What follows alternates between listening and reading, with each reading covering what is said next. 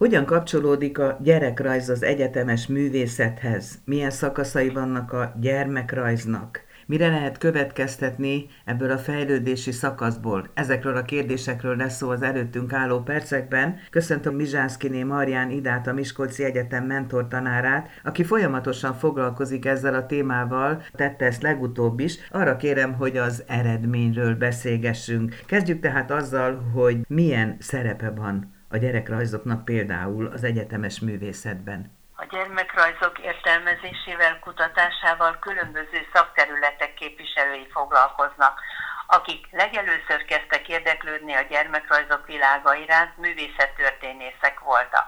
Az 1900-as évek második felétől számos kutatás foglalkozott ezzel, illetve a gyermekrajzok művészekre gyakorolt hatásával. Bernát Aurél festőművész gyakran alkotott együtt a festés technikáját még alig ismerő unokájával, Szoborzénóval. Közös tapasztalataikat publikálta a Bernát Aurél Szoborzénó Lássuk, mire megyünk ketten című könyvében. Gondolatait legtömörebben a könyvéből származó következő idézet fejezi ki. Ahogy az alakzatok a toll hegyén életre kelnek, varázslat erejével hatnak a gyerekre ami a szeme előtt kialakul, annak ismerete egy életre az övé.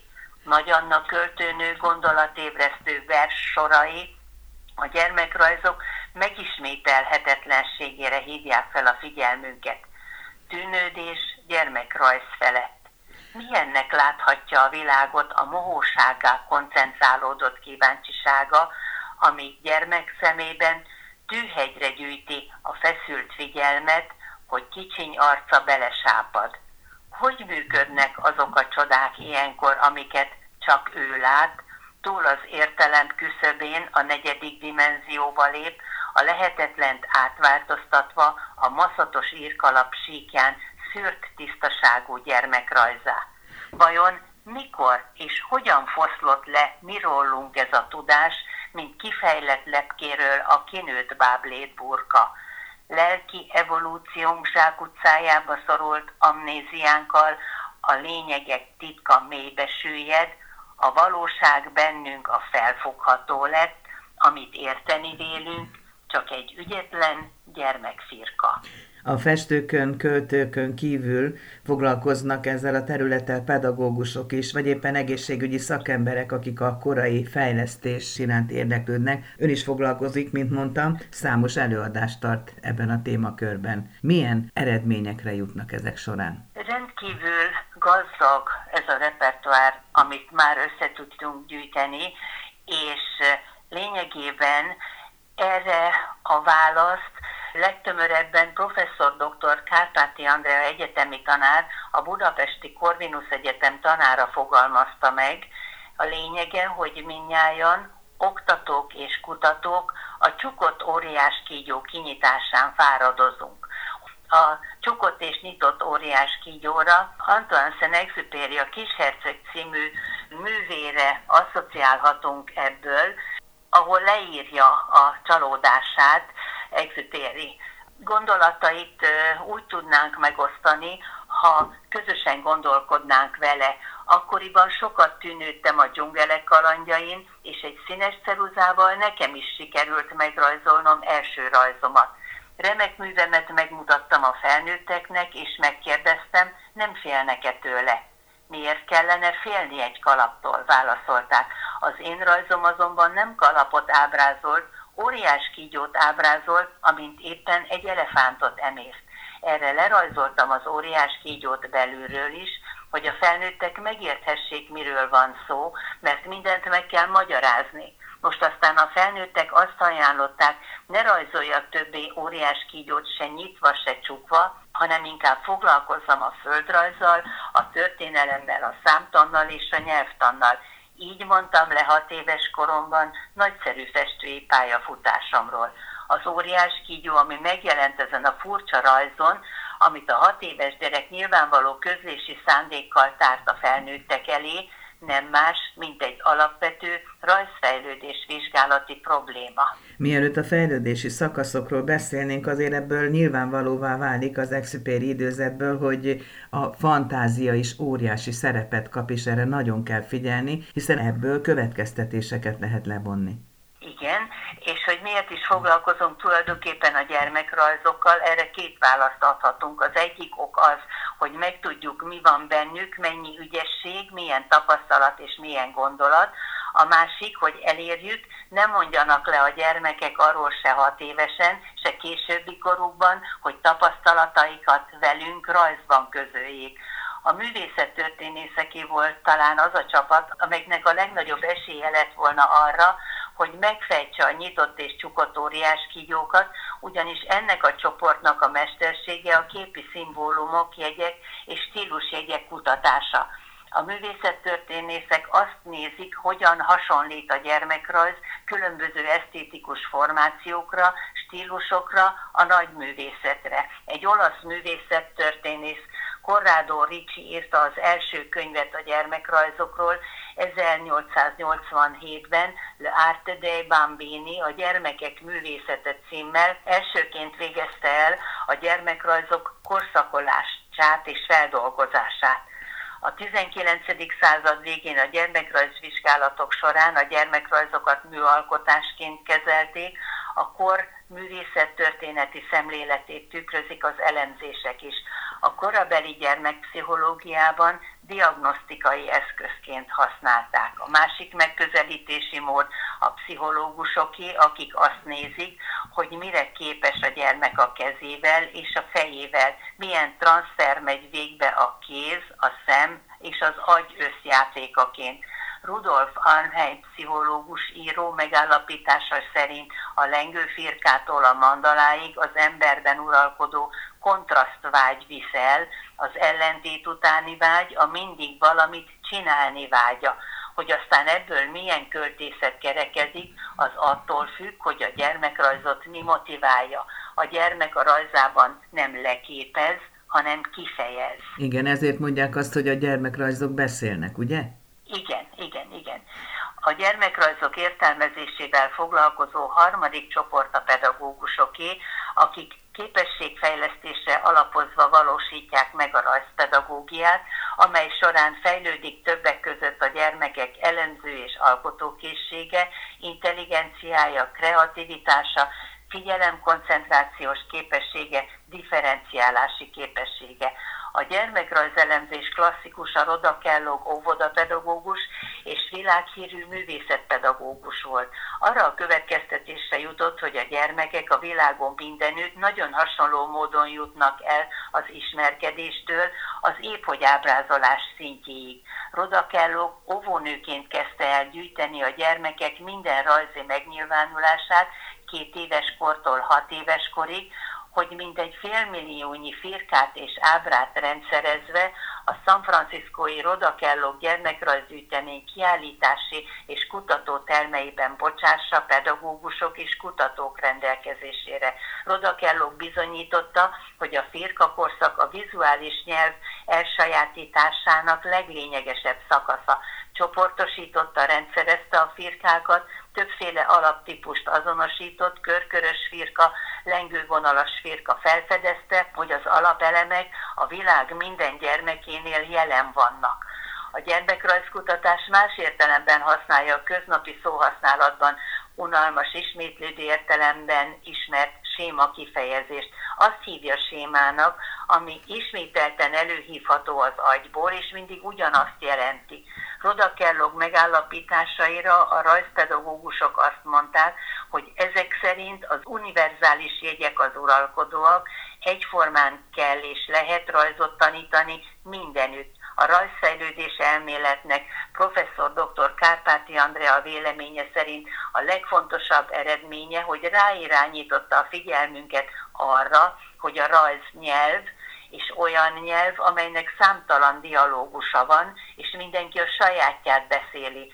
Vannak, akik megértik egymást, és vannak, akik úgy járnak, mint a kis herceg szerzője, Zenexupéri és szülei, csak néznek egymásra a kalap fölött, itt született egy séma, hosszas kidolgozás eredménye, de nem érti, akinek szól.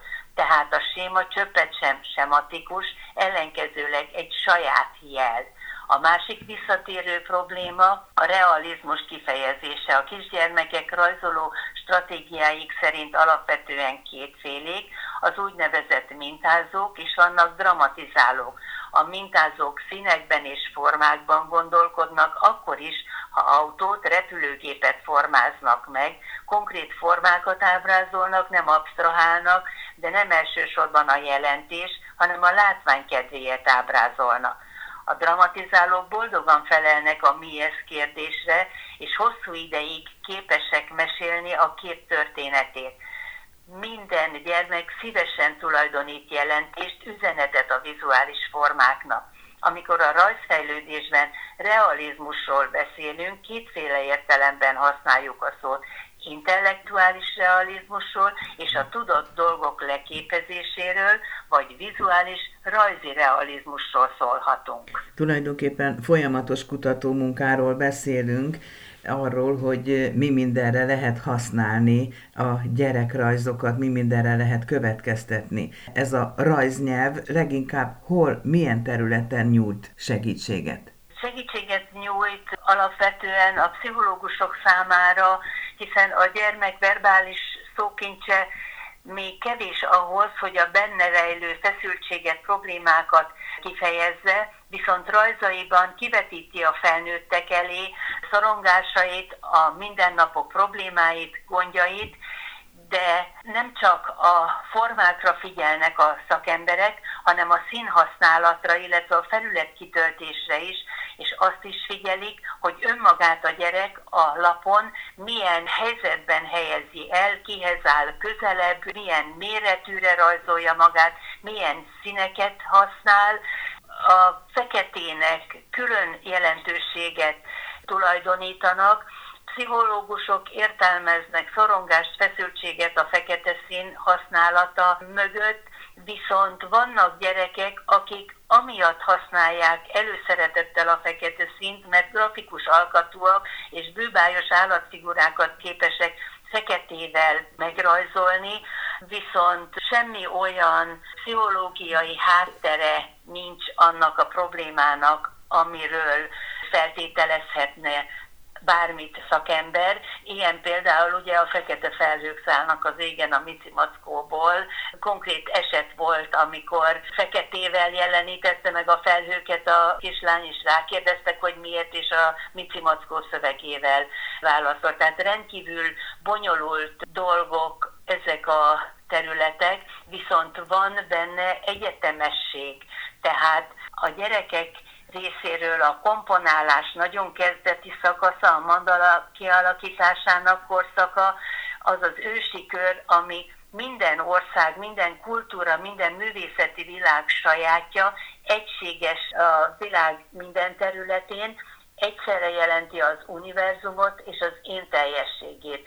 Az ember alak ábrázolása egységesen jelenik meg a gyermekek tevékenységében. Az első megnyilvánulás a fejláb emberke, amikor a kör az egész testet reprezentálja, és a végtagok ehhez illeszkednek. Erre épül a vonalséma, amelyben megjelennek a karok, amelyeket akár csak a lábakat egy-egy vonal reprezentálja. A következő szakasz a körvonalséma, az arc és a ruha részleteit is ábrázolja, a végtagok párhuzamos vonalként jelennek meg. A következő szakasz a kevert profil, ahol az orr profilból az arc szemből látszik, tehát mindkét szem megjelenik. A következő a teljes profil, de a végtagok és a test részben szemből látszik, és a rákövetkező szakasz a jelenségszerű ábrázolás, ami 8 éves kor alatt igen ritka, ebben a szakaszban a megjelent figura élethű, de nem perspektívikus. Az ember alak mozgása szempontjából Pál Ákos festőművész rajztanár a következő fejlődési szakaszokat különbözteti meg. Az első a mozgás jelzés nélküli figura, a következő a merev mozgású alak, kimerevített gesztusokkal, ez szintén 7 éves kor alatt a leggyakoribb. Erre épül az izületében mozgó alak, behajlított könyökkel vagy térdel, és erre épül a mindenütt mozgó alak, ruhája, karja, környezete, mindene körülötte mozgásban van. A külvilág egyébként nyilván hatással van a gyerekrajz alakulására, formálódására, fejlődésére, és hogyha ezt a fejlődést vizsgáljuk, akkor nem csak az őt jellemző dolgokra lehet következtetni, hanem a vizsgálandó gyereket körülvevő közösségre, tágabb értelemben akár egy társadalmi berendezkedésre is, és annak sajátosságaira, ugye? Igen, mindenféle szempontból hatással van a gyermekre a környezete és a társadalmi viszonyai, és mindig egyenletes fejlődés figyelhető meg a rajzelemek gazdagodásával megfigyelhető, hogy amíg a pozitív, negatív formákat nem képes elkülöníteni, addig például átlátszóan ábrázolja a tárgyakat. Ekkor még az emocionális, érzelmi megközelítés érvényesül.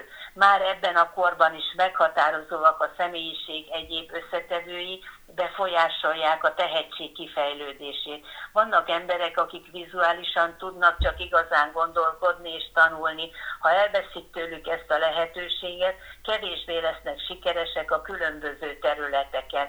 A fejlesztés meghatározó tényezője, hogy a gyermeket egyediségében, egyszeriségében észleljük, felismerjük képességeit, megfelelő biztonságérzetet és szabadságot nyújtsunk ahhoz, hogy azzá váljon, amire valóban képes, kreativitása elegendő térhez jusson, és ébren tartsuk játékosságát. Nagyon érdekes vizsgálódásról beszélünk. Ön például mi motivál a kutakodásban?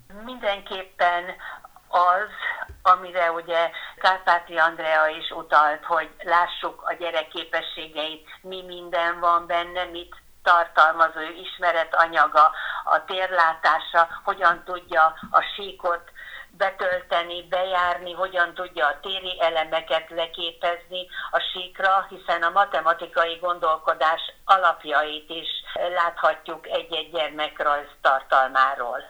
A rajznak üzenete van a felnőttek világa felé, a gyermek számára egy kifejezési mód, amely az ő életkori sajátosságaiból következően gazdagabb, mint az a verbális nyelv, amivel ő rendelkezik, és ezért nagyon fontos nekünk az, hogy értelmezni tudjuk a gyermek rajzain keresztül az ő gondolatait. Köszönöm szépen Mizsászkiné Marjánidának ezt a remek tájékoztatást. Köszönöm szépen a lehetőséget.